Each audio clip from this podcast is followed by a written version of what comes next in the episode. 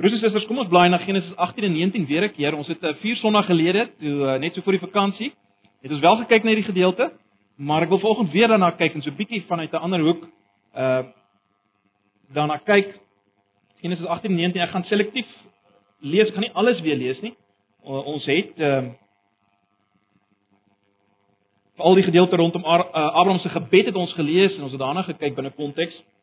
Ehm um, So ek wil hê ons moet ons aandag vestig op ehm uh,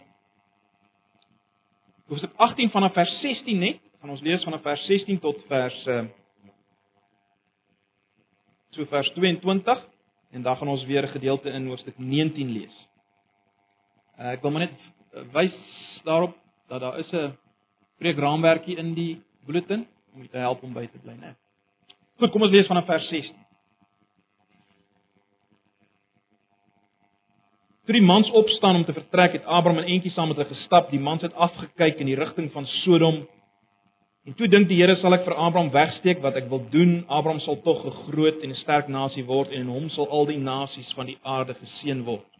Ek het hom gekies dat hy sy kinders en sy nageslag kan beveel om op my pad te bly deur te doen wat goed en reg is sodat ek vir Abraham kan doen wat ek hom beloof het. Toe sê die Here, die geroep teen Sodom en Gomorra is hard. Hulle sonde is baie groot En ek wil gaan kyk sodat ek kan weet of hulle ooreenkomstig die geroep wat tot by my gekom het gehandel het of nie. Die mans het weggedraai Sodom toe, maar die Here het by Abraham bly staan. En dan kry ons die gedeelte van die, die gebed van Abraham. Abraham se se praat met die Here, se redeneer met die Here. Kom ons bly nou net om na hoofstuk 19.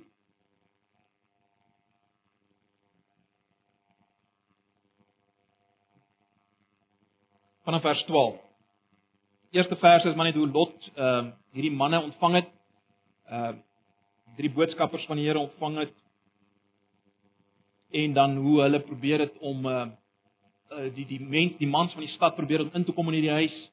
Uh om hierdie manne as te ware te verkrag en dan vanaf vers 12 lees ons die mans by Lot sê toe vir hom: Wie van jou mense is nog hier, skoonseuns of seuns of dogters of wie jy ook al in die stad het?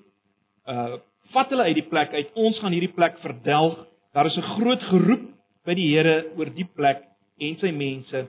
En hy het ons gestuur om die plek te verdelg. Lot het toe vir sy aanstaande skoonseuns uh, gaan sê: "Kom uit hierdie plek uit want die Here gaan hierdie stad verdelg."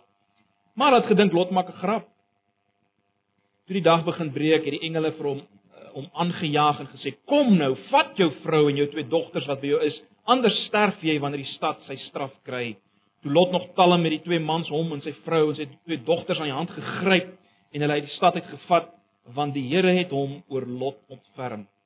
Nadat hulle vir Lot hulle buite die stad gebring het, ehm uh, sê een van die mans vir hom: "Vlug vir jou lewe, moenie omkyk nie. Uh, moenie eers in die vlakte vertoef nie. Vlug berge toe anders word jy omgebring." Maar hy sê vir hulle: "Asseblief tog meneere, u was al so goed vir my en u het my al so groot guns bewys deur my lewe te spaar." Maar ek sal nie berge toe kan vlug nie. Die ramp sal my inhaal voor ek daar is en ek sal omkom. Kyk, hier naby my is 'n dorpie waarin ek kan vlug.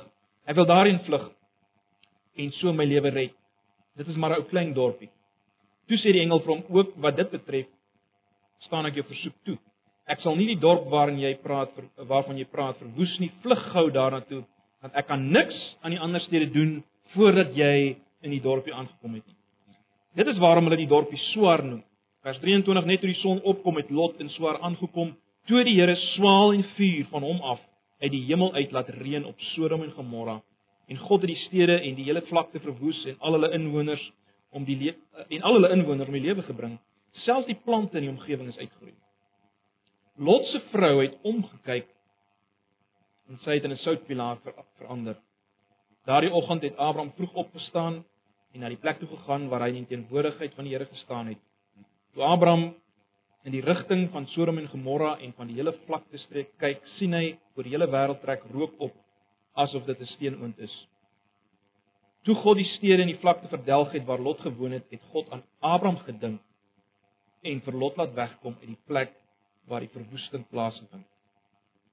Lot het toe van Sora weggegaan en met sy twee dogters in die berge gaan bly. Hy was bang om in Sora te bly en het toe met sy twee dogters in 'n grot gaan woon. En dan vanaf vers 31 af tot die einde toe is dan hy snaakse gedeelte van die twee dogters wat besluit hulle gaan nie kinders kry nie en hulle uh bewerkstellig dit sodat hulle kinders kry by hulle pa, uh en een van daardie kinders was Moab en ons sal net vanaf daarna weer verwys.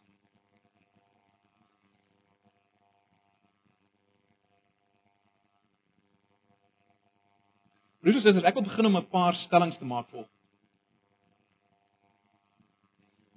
Hier is die eerste stelling. Vir baie van ons wat hier sit,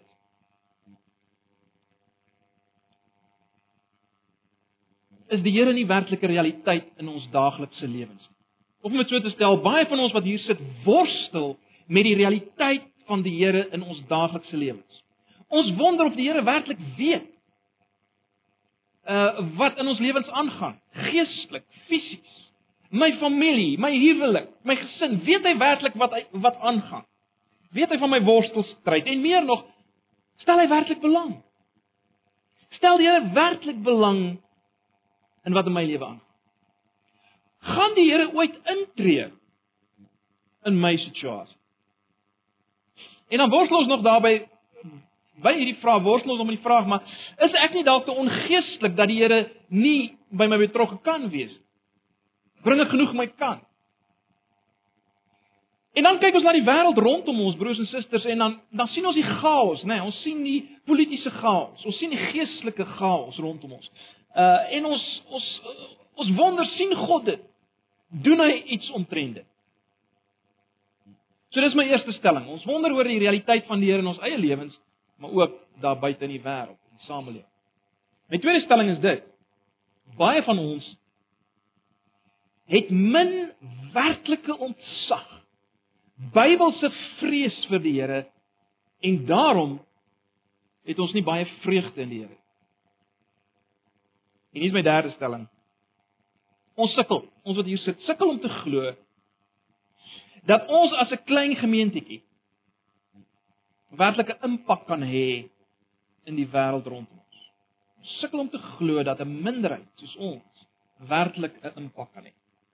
Nou, ek wil hê ons moet vanoggend kyk na na Genesis 18 en 19 die gedeeltes wat ons gelees het. En my gebed is broers en susters dat die Heilige Gees vanoggend sal kom en en ons denke soos dit nou weer speel is in hierdie stellings wat ek gemaak het. My gebed is dat die Heilige Gees dit sal verander. As dit ons denke is en as dit van ons se denke is, dit wat ek nou hier in die stellings weer gegee het, is my gebed dat die Heilige Gees hierdie denke van ons vanoggend sal omkeer en verander. Nou ek is oortuig dat ons kan kyk na hierdie gedeelte en dat ons moet kyk na hierdie gedeelte. Ek herinner julle net aan aan aan Paulus se woorde in Romeine 15 vers 4, baie belangrike woorde. Luister maar net hierna, Romeine 15 vers 4 waar Paulus sê alles wat vooraf in die skrif opgeteken is, is tog opgeteken om ons te leer sodat ons deur die standvastigheid en bemoediging van wat die skrif ons gee, vol hoop kan wees. Alles wat dit wat opgeteken is vir ons. En dan ken ons almal 2 Timoteus 3 vers 16, né? Ons ken dit. Die hele skrif is deur God geïnspireer en dit groot ware waarde om in die waarheid te onderrig, dwaaling te bestry, verkeerdhede reg te stel en 'n regte lewenswyse te kweek. So, kom ons kom met vrymoedigheid na hierdie gedeelte. So kom ons staan nader. Uh eerstens wil ek hê ons moet net weer 'n bietjie dink wat ons reeds gesien het in Genesis. Uh terwyl van tyd gaan ek weer die hele verhaal herhaal nie, maar dit is baie belangrik broers en susters, ons is besig met die eintlike verhaal van die werklikheid, die ware verhaal van die werklikheid. Wat begin in Genesis 1 en 2. Maar goed, as ons die lyne optel van hierdie verhaal in Genesis 12, dan sien ons die ongelooflike dat God die God wat die hele wêreld geskep het uh as sy woonplek, as sy tempel. Hierdie God draai nie sy rug op die mense wat hulle rug op hom gedraai het. Julle sal onthou selfs nadat God 'n nuwe begin gemaak het met Noag en sy familie. Uh kom ons by die toring van Babel en ons sien dat die mens wil eintlik God soos homself maak. Dit was die hele betekenis van die bou van die toring van Babel. Ons daarna gekyk. Die mens wou God soos homself maak. Die ongelooflike is nou om te sien dat God kom nou en hy wend hom na een man, 'n afgodsdienaar uit Ur, Abraham, 'n ou man met 'n ou vrou sonder kinders. En God maak aan hierdie man ongelooflike beloftes. Hy sê vir hom eg ou, 'n groot nasie maar of van jou 'n groot nas, nasie maak. Jy gaan 'n geweldige nageslag hê en luister nou mooi, in jou nageslag. Of as jy wil deur jou nageslag gaan ek weer al die nasies seën. So God is nie klaar met die wêreld nie. Al die wêreld sy rug op God gedraai, God is nie klaar nie. God gaan deur hierdie een man Abraham alles omkeer, deur hom en sy nageslag. Dit is baie interessant as mens daarna kyk. Alles wat God as te ware in opdragte aan Adam gegee het, gee hy in in beloftes aan Abraham. Baie duidelik, God is op pad na 'n nuwe Eden. En hy gaan dit op klein skaal doen, al klaar wys in Abraham en sy nageslag. Maar goed, broers en susters, belangrik vir ons is dis wanneer ons nou by Genesis 18 kom.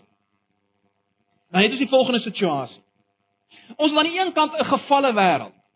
En ons is aan die ander kant 'n God wat homself verbind het aan een man in sy nageslag in 'n verbondsverhouding. En hy is op pad na iets groter. Baie belangrik, ek moes miskien net nou gesê dat God verbind homself aan hierdie een man Abraham in 'n verbondsverhouding, né? Nee, 'n Verhouding amper soos 'n huweliksverhouding. Hy sê ek sal vir jou God wees. En jy moet my mens wees by wyse van spreek. Verbondsverhouding en ek gee hom 'n teken ook van hierdie verbond. So miskien net nou iets weer daarvan sê. Maar baie belangrik. Uh, dis die situasie met ander woorde. 'n Gevalle wêreld aan die een kant en 'n God wat homself verbind het aan aan een man in sy nageslag en 'n God wat op pad is na 'n nuwe Eden, na herstel. En, en nou is die vraag natuurlik onmiddellik, okay, wat gaan ons nou prakties sien? Dis die geval, maar wat gaan ons nou sien in werklikheid? Wat gaan nou gebeur? En broers en susters, dit is belangrik vir ons. Want ek en jy leef weer in 'n situasie na die koms van Jesus waar ons aan die een kant 'n gefalle wêreld het. Wat ons baie bewus is. Ons aan die een kant 'n gefalle wêreld en aan die ander kant God wat hom verbind het aan 'n verbond. Maar nou natuurlik die nuwe verbond, maar baie belangrik, die nuwe verbond uh sonder om nou daarop in te gaan is eintlik volgens Galasiërs niks anders as die herbevestigde verbond met Abraham. Dis die nuwe verbond. Waarvan Jesus Christus natuurlik nou die verbondshoof is. Maar julle sien ons ons ons leef in dieselfde tipe situasie. En daarom is dit belangrik vir ons, ons moet weet. Ek en jy moet weet, is God teenwoordig in hierdie wêreld? Werk hy? Hoe werk hy? En daarom kyk ons na hierdie gedeelte. Want dit is vir ons om dit is vir ons gegee sodat ons kan sien ons wat nou baie verder in die verhaal as te ware is. Hoe werk God? En dit lyk vir my hierdie gedeelte is veral belangrik uh omdat Jesus in Lukas 17 dit baie duidelik maak dat dit wat hier gebeur het uh in Genesis 18 en 19 dis die tipe ding wat gaan gebeur as hy as hy weer kom of totdat hy weer kom gaan dit die geval wees.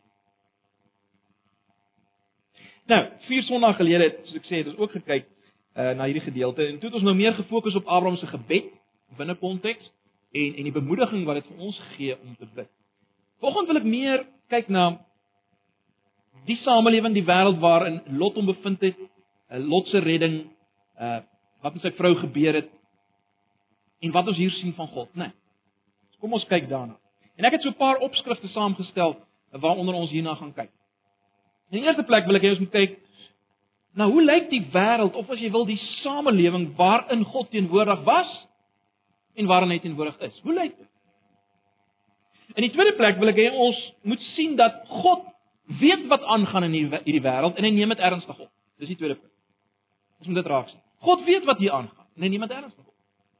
En 'n derde punt wat ek wil uitlig is dit: God is teenwoordig by sy mense, let wel. God is teenwoordig by sy mense deur bevryding en oordeel.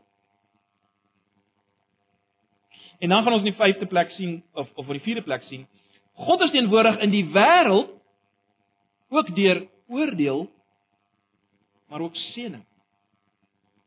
En dan in die vyfde plek wil ek hê ons moet die vraag vra: Waarom is God so teenwoordig by sy mense in die wêreld? Waarom is God so teenwoordig? Wat beweeg hom? En dan net laastens, wie en wat gebruik hy? In hierdie teenwoordigheid van hom by sy mense in die wêreld. Wie wat gebruik.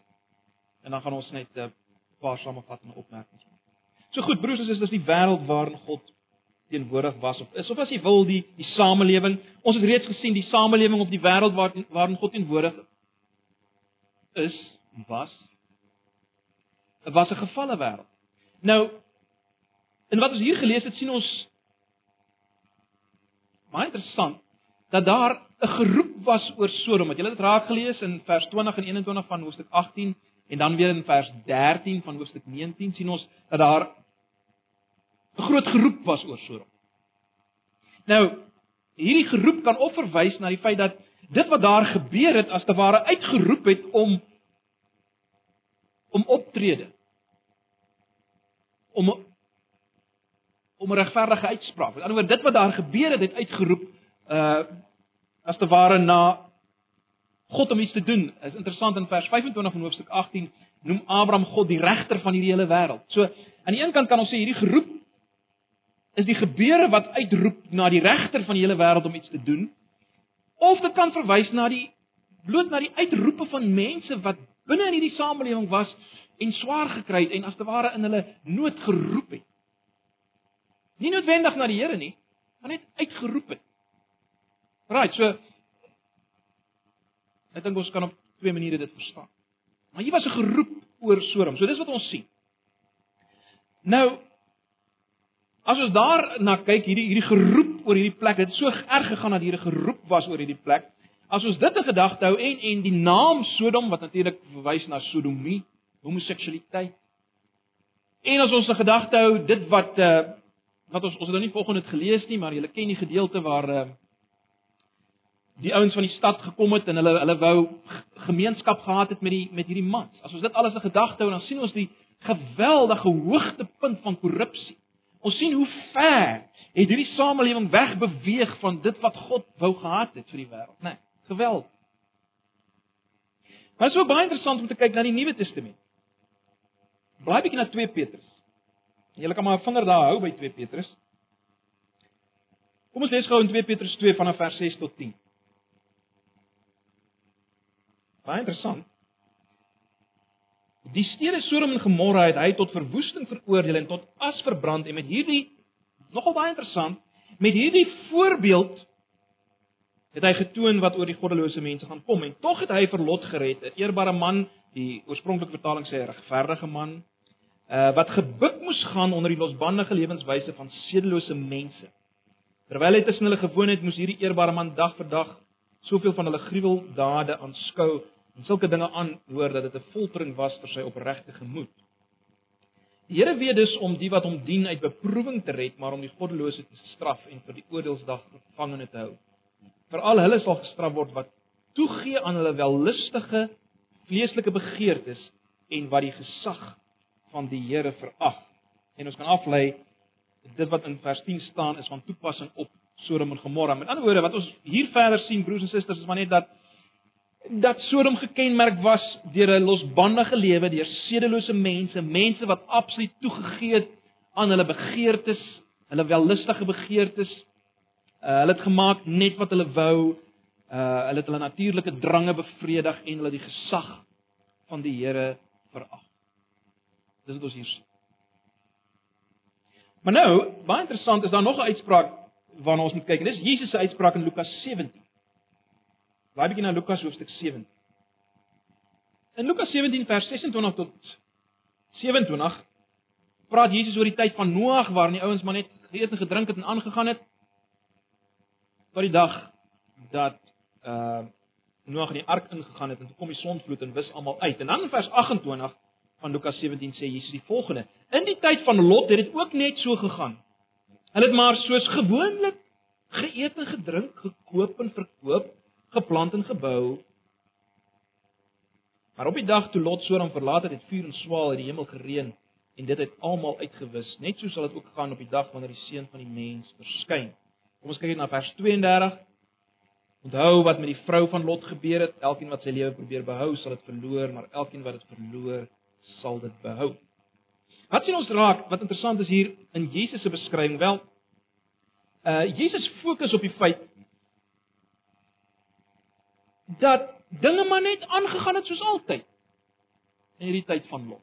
Ja, as dit maar soos Jesus dit stel, geëet en gedrink en gekoop en verkoop en geplant en gebou. Dis die lewe, né? So die ons aan Sodom het nie verwag dat enigiets gaan gebeur nie. Hulle het nie verwag dat God hoegenaamd betrokke is of gaan ingryp in hulle lewenstyl en hulle elke dag se lewe nie. En en Jesus sê dit was kenmerkend geweest van Sodom en dit gaan kenmerkend wees van die tyd ook as hy weer kom. Met ander woorde is 'n wêreld wat nie verwag dat God in hulle doen en late kan betrokke raak nie. En en dis waar Lot en sy familie hulle self bevind het in so 'n wêreld. In so 'n wêreld. En broers en susters, ek en jy bevind ons ook in so 'n wêreld. En dis die wêreld waarin ons osself gaan bevind as die kom. Goed, so dis die wêreld en die samelewing waarin God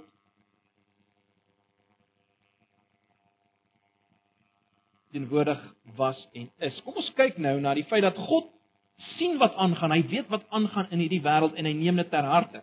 Kyk nou hoofstuk 18 vers 21. Ons is nou weer terug by by by Genesis. Was interessant in vers 21 van hoofstuk 18 sê die Here, ek wil gaan kyk sodat ek kan weet of hulle ooreenkomstig die geroep wat tot my gekom het gehandel het of nie. Uh in in die 53 vertaling staan ek wil neerdal. Met ander woorde, die Here sê hy wil gaan kyk of dit is. Of dit so erg is. Hierdie geroep wat opgestyg het, hy gaan kyk, hy gaan ondersoek instel. In ander woorde, daar gaan 'n soort van 'n regsaak plaasvind. God stel belang in wat hier aangaan.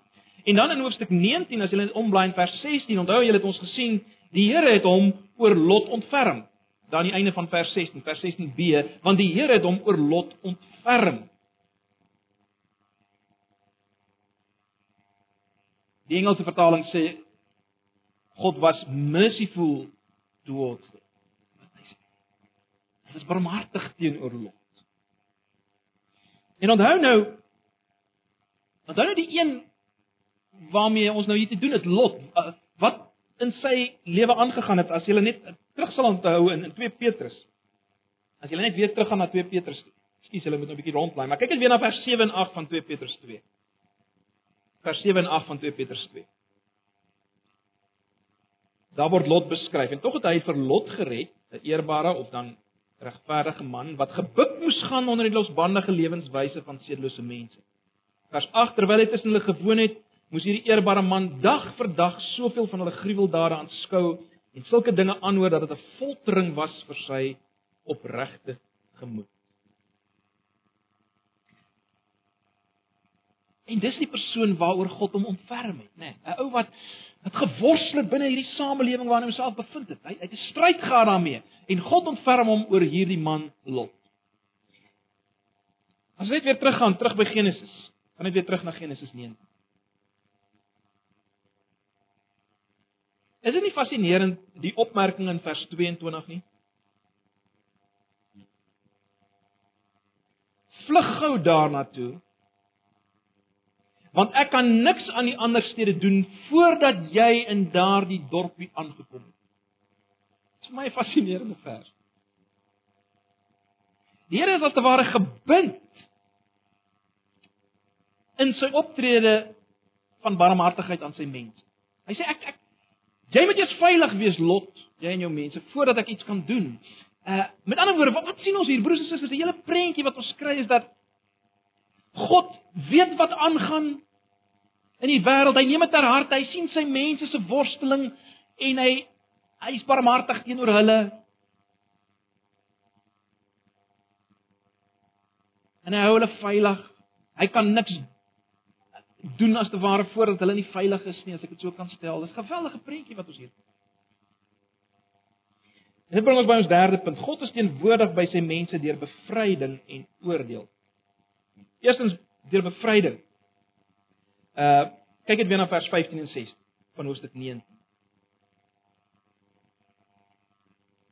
Hoofstuk 19 vers 15 en 16. Toe die dag begin breek, het die engele hom aangejaag en sê: "Kom nou, vat jou vrou en jou twee dogters wat by jou is, anders sterf jy wanneer die stad uh, stad sy straf kry." Toe Lot nog talm, het die twee mans hom en sy vrou en sy twee dogters aan die hand gegryp en hulle uit die stad uit gevat want die Here het hom oor Lot ontferm. So wat ons hier sien is dat die dat die Here uh hom oor Lot ontferm, maar hoe ontferm hy hom? Hy hy red hy red Lot uit hierdie stad uit, né? Nee.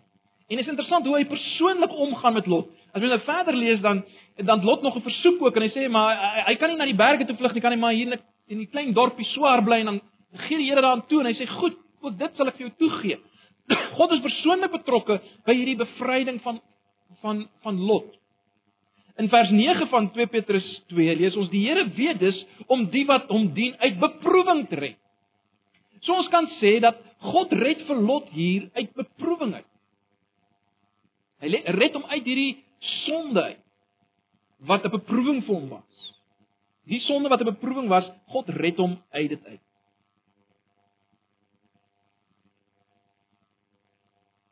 En natuurlik soos ons nou gesien het in 2 Petrus, dis vir ons 'n voorbeeld en 'n teken van hoe God werk met sy mense. So God werk deur bevryding by sy mense, maar broers en susters, baie belangrik, ons mag nie Lot se vrou vergeet nie.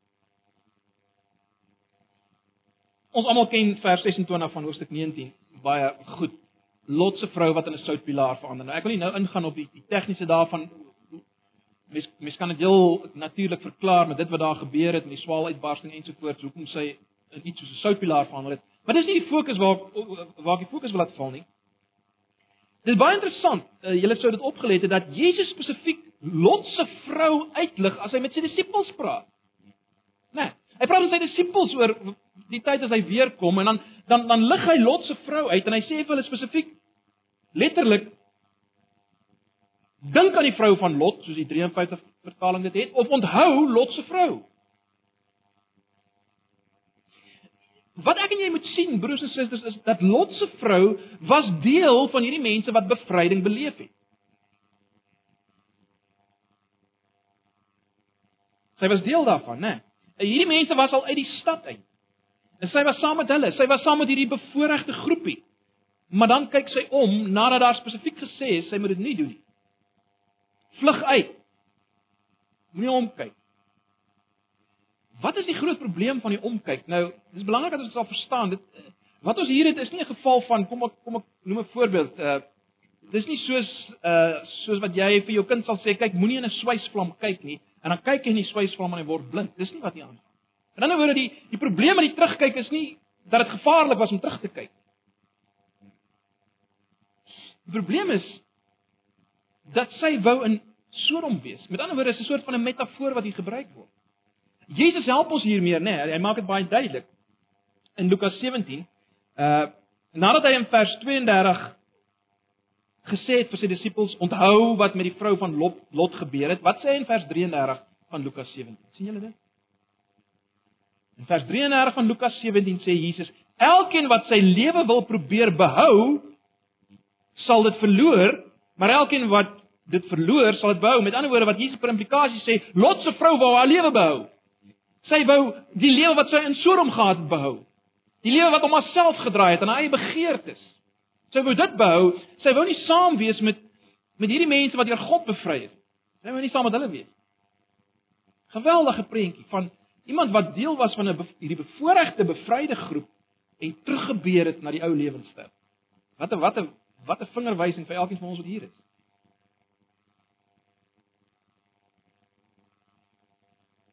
kan deel wees, broers en susters van hierdie gemeente, maar as jy wil terugbeur wegbeur, is dit iets geweldig gevaar. Dit saglik gevaar.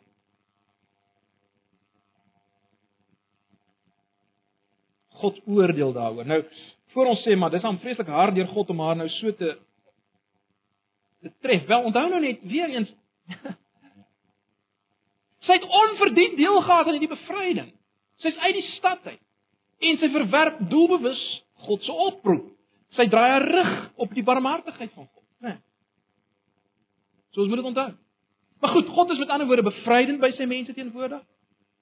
Ons praat van sy mense, né, in die konteks hiervan die wat deel gehad het aan die bevryding. Onthou, dis vir ons 'n voorbeeld. So hy's bevrydend by hulle teenwoordig, maar hy's ook in oordeel teenwoordig.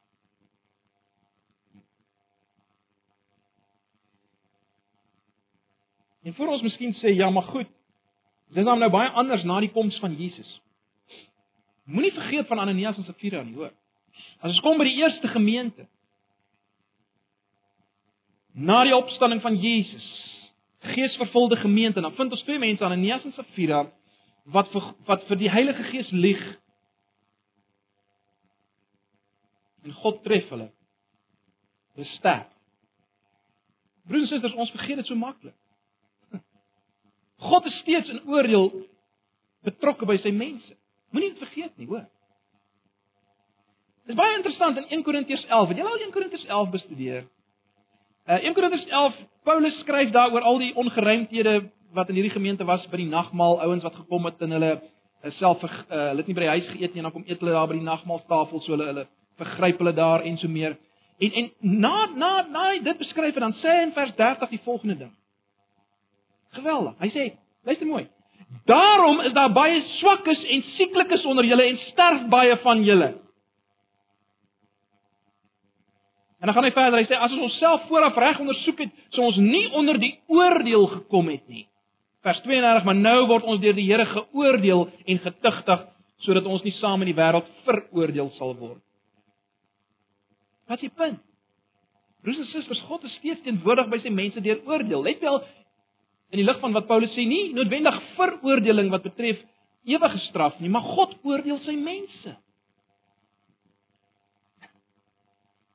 Geweldig, is dit nie? Ons mis dit. Ons hou nie daarvan. Maar dis hier en en reeds in is is 'n prentjie daarvan vir ons geteken hier in Genesis 18 en 9. Goed, so God is teenwoordig by sy mense deur bevryding en oordeel, maar kom ons kyk na die volgende punt 4. God is teenwoordig by die wêreld deur oordeel en seëning. Ag as ons kyk na vers 23 en 25 van Hoofstuk 19 Genesis. Genesis 19 vers 23 en 25. Net toe die son opkom het Lot in swaar aangekom. Toe het die Here swaal en vuur van hom af uit die hemel uit laat reën op Sodom en Gomorra. En God het die stede en die hele vlakte verwoes en al hulle inwoners om die lewe gebring, selfs die plante in die omgewing is uitgeroei. So wat sien ons hier? Broers en susters, God gryp in in hierdie goddelose samelewing van destyds. Hy gryp in, hy straf. Met ander woorde, God straf sonde punt. Moet nie die fout maak. Jesus in Lukas 17 maak dit baie duidelik dat dit wat daar gebeur het weer sal gebeur by die oordeelsdag. God sal straf. En in in in uh in 2 Petrus 2 vers 6 het ons gelees sê Petrus dit dit wat daar gebeur het is 'n voorbeeld te wys wat God weer gaan doen teenoor die goddelose. Hy gaan straf. Niks word onder die mat ingevee. En miskien sê jy ja, ja, ag, maar kyk. Dit gebeur net eendag. God is nie nou werklik teenwoordig intussen by die goddeloosheid van die wêreld nie. Nee, die goddeloosheid van die wêreld gaan net aan. God is nie nou daar teenwoordig nie. Is dit so? Romeine 1 vers 18 is fascinerend. Is dit nie? Blaai gou na Romeine 1 vers 18. Vers 18. Ek lees maar die 83 vertaling. God openbaar vanuit die hemel sy toorn oor al die goddeloosheid en ongeregtigheid van die mense wat die waarheid deur hul ongeregtigheid probeer onderdruk. So daar's 'n stelling. Wat wat, wat staan daar? God openbaar sy toorn. En dan vertel hy presies oor wie hy dit openbaar aan mense wat wat ehm uh, uh hy openbaar oor die goddeloosheid en die mense wat wat wat deur ongeregtigheid die waarheid onderdruk en dan brei hy daaroor uit presies wat hulle doen en dan baie interessant. As jy nou vra maar goed hoe openbaar hy? Hoe openbaar hy sy toorn wel kyk na vers 24 van Romeine 1 kyk na vers 24 daarom gee God hulle aan die drange van hulle hart oor en aan hulle sedelike onreinheid sodat hulle hulle liggaam onder mekaar onteer en dan gaan hulle aan en dan gaan hy aan. Dis hulle wat die waarheid van God verhuil vir die leuen. Hulle dien en vir die skepsel in plaas van die Skepper aan wie al die lof toe kom vir ewig vers 26 weer daarom gee God hulle oor aan skandelike drifte Uh hulle vroue verander die natuurlike omgang in teennatuurlike omgang net so laat vaar die mans ook die natuurlike omgang met die vrou en brand van begeerte vir mekaar en dan gaan hy aan en aan en aan en aan. Uh julle kan maar die hele gedeelte gaan lees. Wat is die punt? Broers en susters. Ons is geneig om te kyk na dit wat rondom ons gebeur. Na al die sedeloosheid en dan sê ons maar, "Waar is God? God is nie teenwoordig nie. God God gee nie om nie, hy doen niks nie." Nee nee. As ons die goddeloosheid sien met ons mekaar sê God is besig om iets te doen. Hy gee hulle oor daaraan. Hoe meer ons sien goddeloosheid blom, moet ons weet God is teenwoordig, hy werk. Dis wat Paulus sê. Is dit nie? Dis geweldig. So broers en susters, moenie dink God is nie op die oomblik teenwoordig in die wêreld daar buite nie. Is skrikwekkend besig. skrikwekkend besig. En daar kom natuurlik 'n finale oordeel. Wat skrikwekkend is. Maar net baie vinnig, God wil ook hierdie wêreld seën. Dis nie eksplisiet hier nie, maar dis implisiet en ek het 'n uh, vier sonnae gelede meer daaroor gepraat. In daai snaakse gedeelte van in hoofstuk 19 van Genesis vers 31 tot 33, hierdie twee dogters uh, wat nou by hulle pa gaan slaap om kinders te kry. Hier gebeur iets interessant, is dit nie? Want een van hierdie kinders is Moab. In vers 37 van Genesis 19. En ons weet dat Rut die Moabitiese vrou is ingeskakel in die geslagslyn van Jesus. In ander woorde, uiteindelik is die verlosser, die een deur wie die seun sou kom, die saad van Abraham, gebore uit hierdie uit dit wat hier gebeur. Sê dit so. In ander woorde, God se redding van van Lot uiteindelik lei tot seën vir die nasies. Want uit die Moabiete uiteindelik kom Jesus, die verlosser, die een deur wie die wêreld geseën word. So net in kort moet dit raak te sien. So God is teenwoordig in oordeel by die wêreld, maar maar daar's ook seën in Jesus. Net in Jesus is daar seën vir die wêreld. Goed, baie vanaand. Punt 5. Waarom is God so teenwoordig by sy mense in die wêreld. Ag, broers en susters. Julle weet dit, ons het al baie vir mekaar gesê, maar God is nie teenwoordig by sy mense omdat hulle so oulik is. Ons weet nie baie van Lot af nie, maar ek weet nie of hy so 'n wonderlike man was. Hy lyk my na 'n gulsige ou wat die beste van die land vir hom gekies het onder andere na toe hy en Abraham moes land kies. Maar hoe dit ook al sê, die punt is As God hom ontferm oor sy mense is daar net een rede en die rede word gegee in vers 29 van hoofstuk 19. En ons het al daarna gekyk. Ek het vinnig weer uh na Genesis 19 vers 29. Toe God die stede in die vlakte verdelg het waar Lot gewoon het, het God aan Abraham gedink en vir Lot laat wegkom uit die plek waar die verwoesting plaasgevind het. So baie gelaaide term hierdie gedink. Ehm um, Jy kry dit oral in Eksodus ook dat God het gedink aan sy verbond. Die punt is omdat God dink aan sy verbondsbeloftes wat hy aan Abraham gemaak het en hier ook spesifiek nog die gebed wat Abraham gebid het vir die regverdiges. Op grond daarvan tree God op. Dis die enigste rede waarom God optree. God het beloftes gemaak aan Abraham en hy tree op daarvoor. Weereens ook nie omdat Abraham so oulik is. Jy moet God beloftes gemaak het en ons het daarna gekyk 'n uh, paar hele paar sonde gelede dat uh Jesus alreeds die vloekkant van die verbond wat in die besnydenis lê. Jesus is afgesny uit die land van die lewenis. Jesus het die oordeel van verbondsverbreeking gedra. Daarom kon kon Abraham die besnydenis dra sonder om vernietig te word. Die besnydenis wat sê as ek nie die verbond hou nie, gaan ek verdelg word. Dit sê die teken. En en enigste rede hoekom Abraham nie verdelg is nie, is omdat Jesus die vloek gedra het. Maar die punt vanoggend is dit: waarom is God so teenwoordig by sy mense? As gevolg van sy verbondsverbintenis. Sy naam, sy eer, sy verbond. Geen ander rede nie. Nie omdat jy oulik. Nek oulik. Sestens, wie en wat gebruik God in sy teenwoordigheid in hierdie wêreld? Wel, ons het nou gesien God sien die toestand van Lot aan as gevolg van Abraham. Onthou, Lot was gebind aan Abraham. Heel waarskynlik was Lot ook besny geweest. Hy was deel van die groter familie wat deel was van Abraham en sy mense. Onthou die belofte was aan Abraham en sy mense en sy nageslag. Maar goed, ons het gesien God sien die toestand van Lot as gevolg van Abraham. Wie was Abraham? Wel Abraham was die verbondshoof op hierdie stadium, nê, nee, van die as jy wil Abrahamitiese verbond. Dis as gevolg van Abraham die verbondshoof en sy gebed dat God intree in Lot se situasie en let wel ook in die wêreld. As gevolg van Abraham die verbondshoof en sy gebed. En wat ons hier moet sien, net so terloops is Abraham is 'n klein minderheid, né? Nee. Een man op hierdie stadium.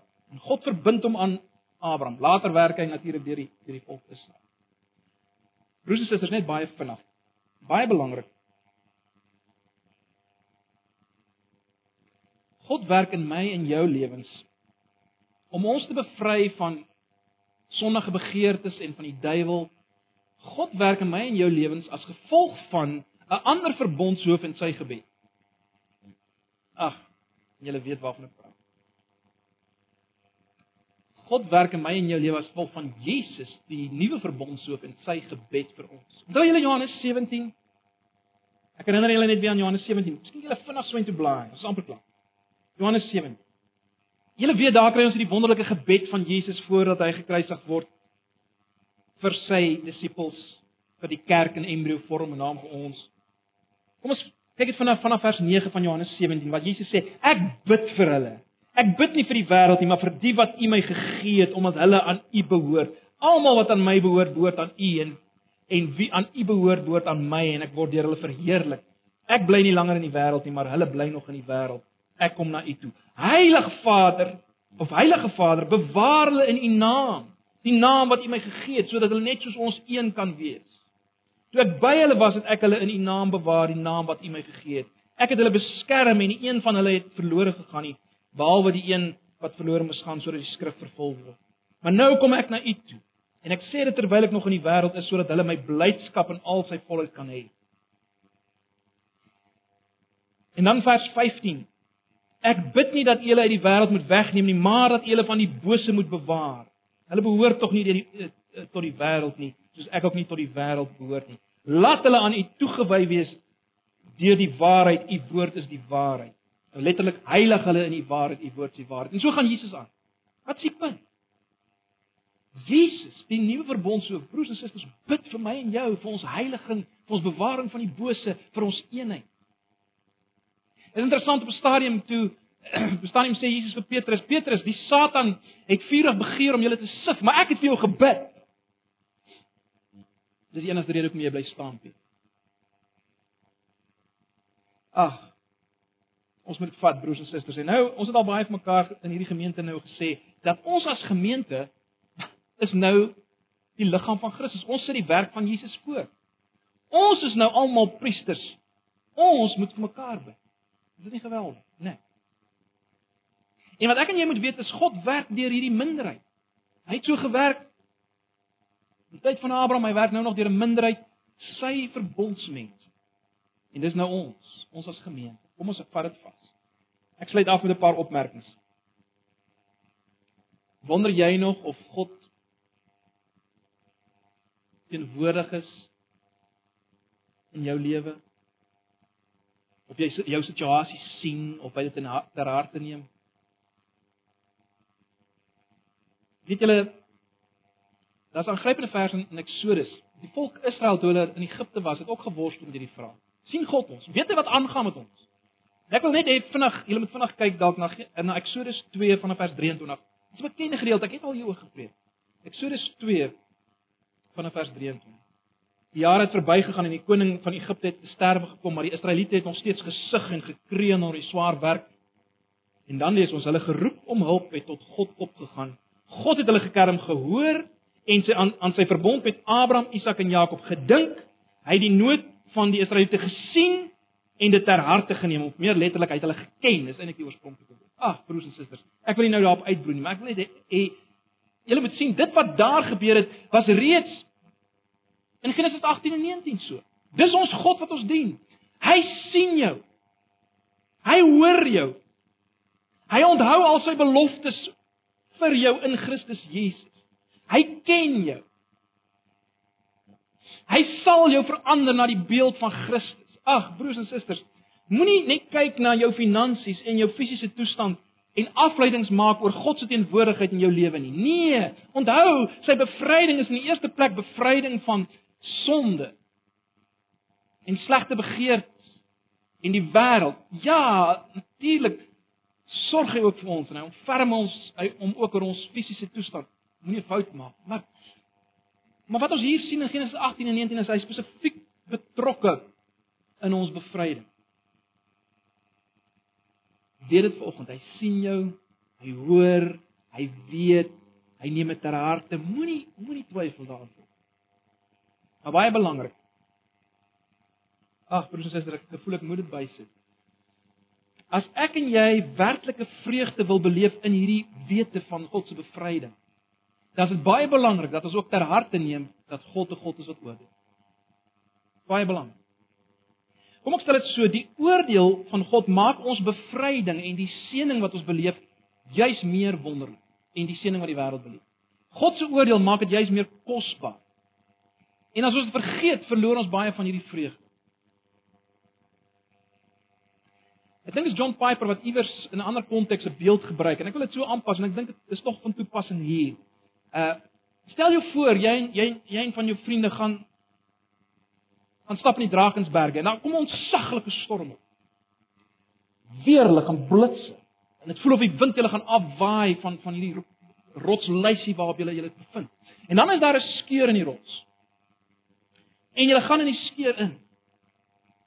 Ah, Maar buite swiep die wind nog verby en is blits en wonder. Wat gebeur? Jy jy kyk as te ware uit na na dit wat daar buite gebeur. Luister na my woorde met 'n soort van 'n bewende plesier. As hy wind so swiep oor die kraan. sien julle wat gebeur? In die eerste plek was jy bang vir die storm omdat jy bang was jy gaan jy gaan sterf. Nou nou's daai gevaar verby. Jy gaan nie meer sterf deur hierdie storm nie, maar nie alles. Nie al jou vrees het verdwyn nie. Daar bly nog hierdie hierdie heerlike ontsag oor vir hierdie storm wat jou eintlik vul met 'n met 'n snaakse tipe vreugde. Dis waarvan ek praat. Dis wat ons dikwels mis as ons vergeet dat daar ook 'n oordeel van God is. En dat ons bevryding, jy's 'n bevryding is te midde van hierdie oordeel. Ag, broers en susters, dan dan is ons vreugde soveel meer ontsag, Heer. Wonder. Dis 'n wonderlike voorreg om die om die guns van God te beleef te midde van sy geweldige oordeling krag. In die middel daarvan te. So kom ons onthou dit.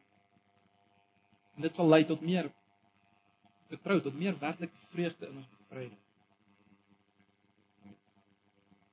Ook vir ons as gemeente, broers en susters, as ons vergeet dat God oordelend besig is, dan dan dan dan dan is dan sal ons gemeenskap ook nie werklik vol vreugde wees.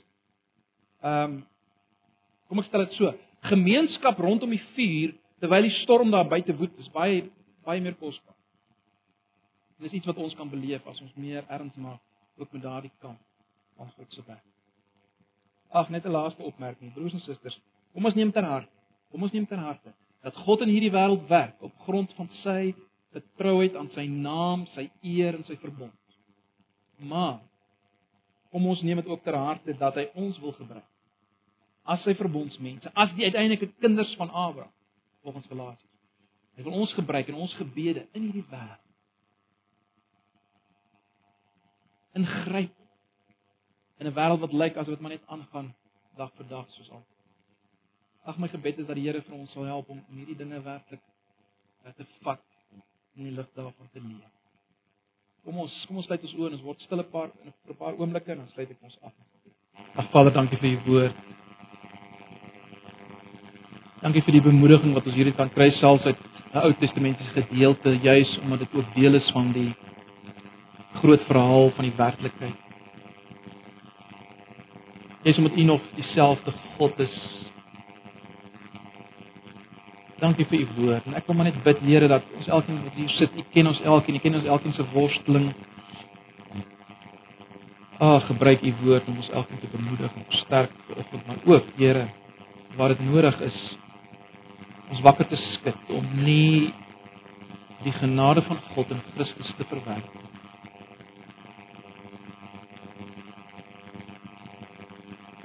Asseblief, Here. Ag, ons dank dankie dat U ons red.